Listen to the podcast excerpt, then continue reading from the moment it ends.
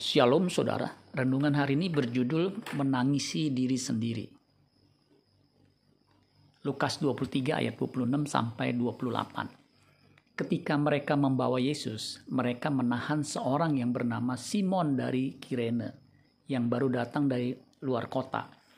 Lalu diletakkan salib itu di atas bahunya supaya dipikulnya sambil mengikuti Yesus. Sejumlah besar orang mengikuti dia di antaranya banyak perempuan-perempuan yang menangisi dan meratapi dia. Yesus berpaling kepada mereka dan berkata, Hai putri-putri Yerusalem, janganlah kamu menangisi aku, melainkan tangisilah dirimu sendiri dan anak-anakmu. Lembaga Alkitab Indonesia memberi judul perikop ini, Yesus dibawa untuk disalibkan. Dalam perjalanannya ke Golgota, ke tiang kayu salib, di Via Dolorosa, putri-putri Yerusalem menangisi dan meratapi sengsara Kristus yang akan disalibkan.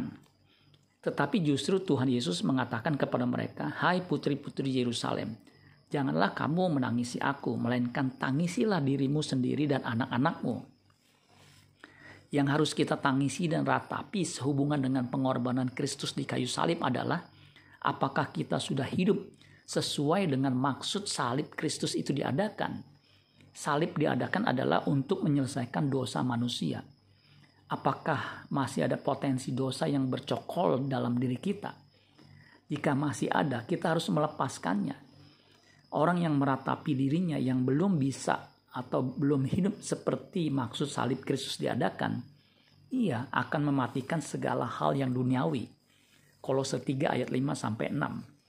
Karena itu matikanlah dalam dirimu segala sesuatu yang duniawi, yaitu percabulan, kenajisan, hawa nafsu, nafsu jahat, dan juga keserakahan yang sama dengan penyembahan berhala.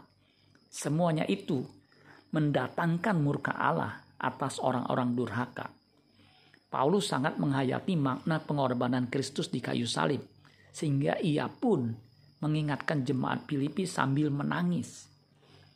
Filipi 3 ayat 18. Karena seperti yang telah kerap kali kukatakan kepadamu dan yang kunyatakan pula sekarang sambil menangis. Banyak orang yang hidup sebagai seteru salib Kristus.